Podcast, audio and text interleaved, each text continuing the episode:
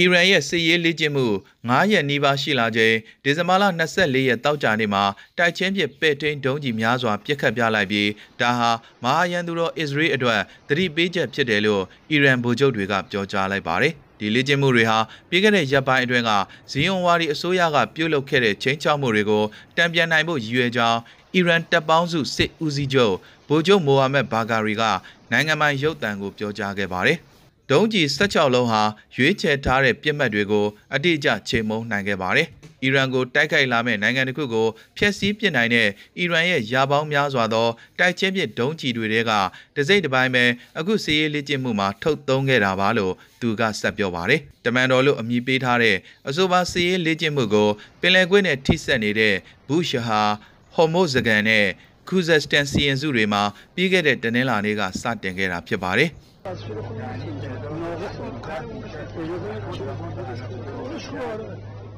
အခုစစ်ရေးလေ့ကျင့်မှုဟာဇီယွန်ဝါရီအစ္စရေးအစိုးရအာဏာပိုင်တွေကိုပြင်းပြင်းထန်ထန်သတိပေးလိုက်တာပဲဖြစ်တယ်။မဆိုးစလောက်အမှားလေးပဲလုပ်ကြည့်။သူတို့လက်တံကိုဖျက်ပစ်မယ်လို့အီရန်တော်လှန်ရေးတပ်ပေါင်းစုအကြီးအကဲဗိုလ်ချုပ်ဟိုစိန်ဆလာမီကဆိုပါတယ်။2015အီရန်နျူကလ িয়ার သဘောတူစာချုပ်ကိုပြန်လည်အသက်သွင်းဖို့အားထုတ်မှုအပေါ်အစ္စရေးကကန့်ကွက်နေတဲ့ကြားမှာပဲ ဗုဒ္ဓဦးနေ့ကအမေရိကန်နိုင်ငံအမျိုးသားလုံခြုံရေးအကြံပေး Jake Sullivan နဲ့အစ္စရေးဝန်ကြီးချုပ် Naftali Bennett တို့တွေ့ဆုံပြီးနောက်ပိုင်းအီရန်ကအခုလိုစစ်ရေးလေ့ကျင့်မှုဆောင်ရွက်ခဲ့တာဖြစ်ပါတယ်။ကနေဒါမှာ COVID-19 နဲ့ရေလွှမ်းမိုးမှုတွေကြောင့်အာလူတင်သွင်းမှုကျဆင်းသွားခဲ့တဲ့အတွက်မက်ဒေါ်နယ်ဆိုင်တွေအနေနဲ့ ဂျပန်နိုင်ငံအတွင်းမှာအကြော်တွေကိုခွဲတမ်းနဲ့ရောင်းချပေးနေရပြီးအာလူကျော်ပြက်လက်မှုဟာဂျပန်နိုင်ငံရဲ့ထောက်ပံ့မှုကွင်းဆက်ထိခိုက်မှုအသစ်ဖြစ်လာခဲ့ပါတယ်။ပြက်လက်မှုမဆိုးရွားစေဖို့အတွက်ဂျပန်နိုင်ငံမတော်နယ်က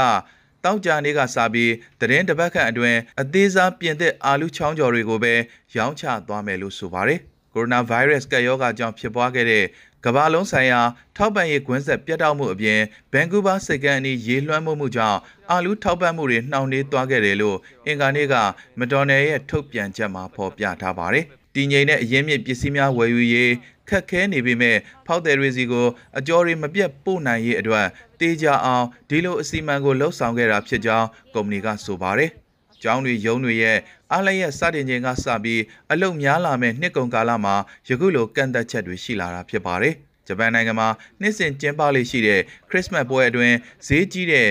US fast food တစ်မျိုးဖြစ်တဲ့ကန်တက်ကီကြက်ကြော်ကိုအရသာရှိရှိစားသုံးတဲ့အစင်လာကြောင့်ပွဲတော်ကာလအတွင်းဈေးကွက်မှာကြီးကြီးမားမားနေရာရနေပါတယ်။ တစ်ချိန်တည်းမှာပဲအရှိတောင်အာရှအတွင်းအကြက်အတဲနဲ့ထောက်ပံ့ရေးကွင်းဆက်ပြဿနာများကြောင့်ကမ္ဘာလုံးဆိုင်ရာ microchips ပြက်လက်လာတဲ့အတွက်ဂျပန်နိုင်ငံတိုဒါအပါအဝင် မော်တော်ကားကုမ္ပဏီကြီးတွေရပ်နားထားခဲ့ရပါတယ်။တူနာပြုတူဖြစ်တဲ့စောကူဂါဘဒယာဟာကိုဗစ်ကာကွယ်ဆေးတက်တာကိုကင်ရင်ဝေးလံခေါင်သေးတဲ့မွန်ဂိုလီးယားလွင်ပြင်ကိုကျန်းတန်းတဲ့ချီလီယန်လန်အတိုင်းခရီးနှင်ကနွားကြောင်းသားတွေအတွက်ထက်ဆောင်ကာကွယ်ဆေးထိုးနှံပေးနိုင်ရေးကြိုးပမ်းနေပါတယ်။ လူဦးရေ3သန်းရှိတဲ့နိုင်ငံဟာကိုရိုနာဗိုင်းရပ်စ်ကူးစက်ရောဂါကိုတိုက်ဖျက်ဖို့အတွက်ကမ္ဘာအပြင်းထန်ဆုံးအစီအမံတချို့ကိုချမှတ်လှုပ်ဆောင်ခဲ့ပြီးပြီးခဲ့တဲ့နှစ်နှစ်အတွင်းနယ်နိမိတ်တွေနဲ့ကျောင်းတွေပိတ်ထားခဲ့ပါတယ်။၎င်းရဲ့ကာကွယ်ဆေးထိုးနှံရေးအစီအစဉ်အရအရွယ်ရောက်ပြီးသူ90ရာခိုင်နှုန်းကျော်ကိုထိုးနှံပေးနိုင်ခဲ့ပြီးကြီးမားတဲ့အောင်မြင်မှုရရှိခဲ့ပါတယ်။ ဒါပေမဲ့အွန်လိုင်းသတင်းအမှားတွေအပြင်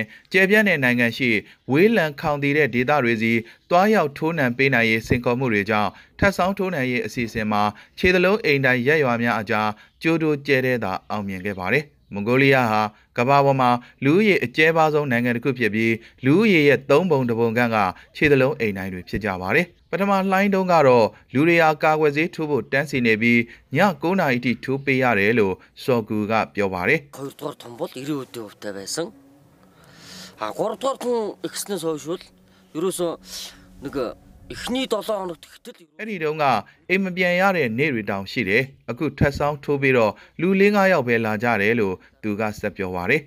တတိယကြိမ်ထိုးနှံဖို့အစီအစဉ်အတွက်နွားចောင်းသားတွေကိုနေ့တိုင်းဖုံးဆက်ခေါ်ပေမဲ့အထူးသဖြင့်စကြက်နေရာတွေမှာဖုံးလိုက်မကောင်းတဲ့အတွက်ခေါ်ဆိုလို့မရခဲ့ဘူးလို့၎င်းကဆိုပါတယ်။ဒါကြောင့်ကျမကြီးတာဝန်ရှိသူတွေဟာနွားចောင်းသားတွေစီကိုသွားထိုးပေးဖို့ကလွဲပြီးကြံတဲ့ရွေးချယ်စရာမရှိခဲ့ဘူးလို့သူကဆိုပါတယ်။ မွန်ဂိုလီးယားကျန်းမာရေးဝန်ကြီးဌာနရဲ့အဆိုအရနိုင်ငံအတွင်းကိုဗစ်ရောဂါကူးစက်ခံရသူ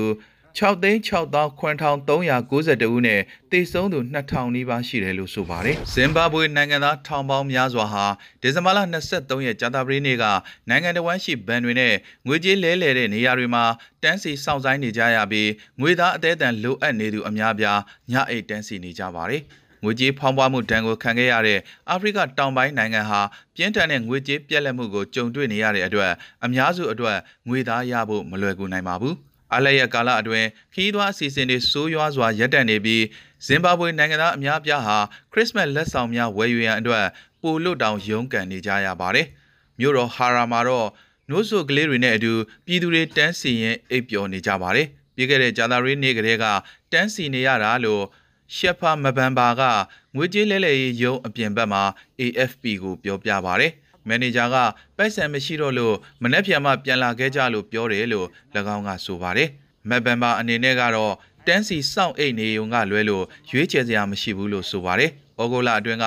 ငွေလဲယုံများဟာတက်တာတဲ့နှုံသားနဲ့နိုင်ငံခြားငွေတွေလဲလဲပေးခဲ့ပေမဲ့အကျိုးအမြတ်ရှာတဲ့ဖောက်တယ်တွေပဲလွှမ်းမိုးထားခဲ့ပါတယ်။အစိုးရကငွေတွေကို ငါတို့ဗန်စင်းတွေထဲထည့်ပေးပြီးငါတို့အကောင့်တွေကနေတိုက်ရိုက်ထုတ်ယူနိုင်ဖို့စီစဉ်ပေးတဲ့တယ်လို့တန်းစီစောင့်ဆိုင်းနေတဲ့ Linus Mefosa ကပြောပါတယ်။ American Dollar အတွက်အစိုးရကတတ်မှတ်ထားတဲ့ငွေလဲနှုန်းကလက်ရှိမှာမှောင်ကိုဈေးကွက်ပေါက်ဈေးရဲ့ထက်ဝက်ခန့်သာရှိပါတယ်။ဒီဇင်ဘာလ23ရက်ကြာသပတေးနေ့ကယူကရိန်းစစ်သည်တွေဟာနိုင်ငံအရှေ့ပိုင်းရှေ့တန်းစခန်းအနီးမှာစစ်ရေးလေ့ကျင့်မှုအတွင်းအမေရိကန်လို့တင်ကားဖြတ်ဂျက်ဗလင်ဒုံးကျည်တွေကိုစမ်းသပ်ပစ်ခတ်ခဲ့ပါတယ်။ယူကရိန်းစစ်သည်တွေဟာ2014ခုနှစ်ကစလို့တိုက်ပွဲဝင်အတွေ့အကြုံတွေကိုရယူခဲ့ကြတာဖြစ်ပါတယ်။ရုရှားနဲ့စီးရေးတင်မာမှုဖြစ်ပြီးနောက်ပိုင်းအနောက်နိုင်ငံမဟာမိတ်တွေစီကစစ်လက်နက်အထောက်ပံ့တွေရရှိခဲ့ပါတယ်။အထူးသဖြင့်အမေရိကန်နိုင်ငံကယူကရိန်းတပ်ဖွဲ့ဝင်တွေအတွက်ဒေါ်လာ1.5ဘီလီယံဘိုးထောက်ပံ့ခဲ့ပြီးပြီလို့ဆိုပါတယ်။ အနောက်နိုင်ငံများနဲ့ပလဲနံပါတ်တဲ့တဲ့ယူကရိန်းအစိုးရဟာအမေရိကန်စီကတင်ကားဖြတ်ဂျက်ဗလင်ဒုံးလက်နက်တွေခဲယမ်းတွေနဲ့ကင်းလက်ရေရင်တွေရရှိခဲ့တယ်လို့တူရကီနိုင်ငံကနေ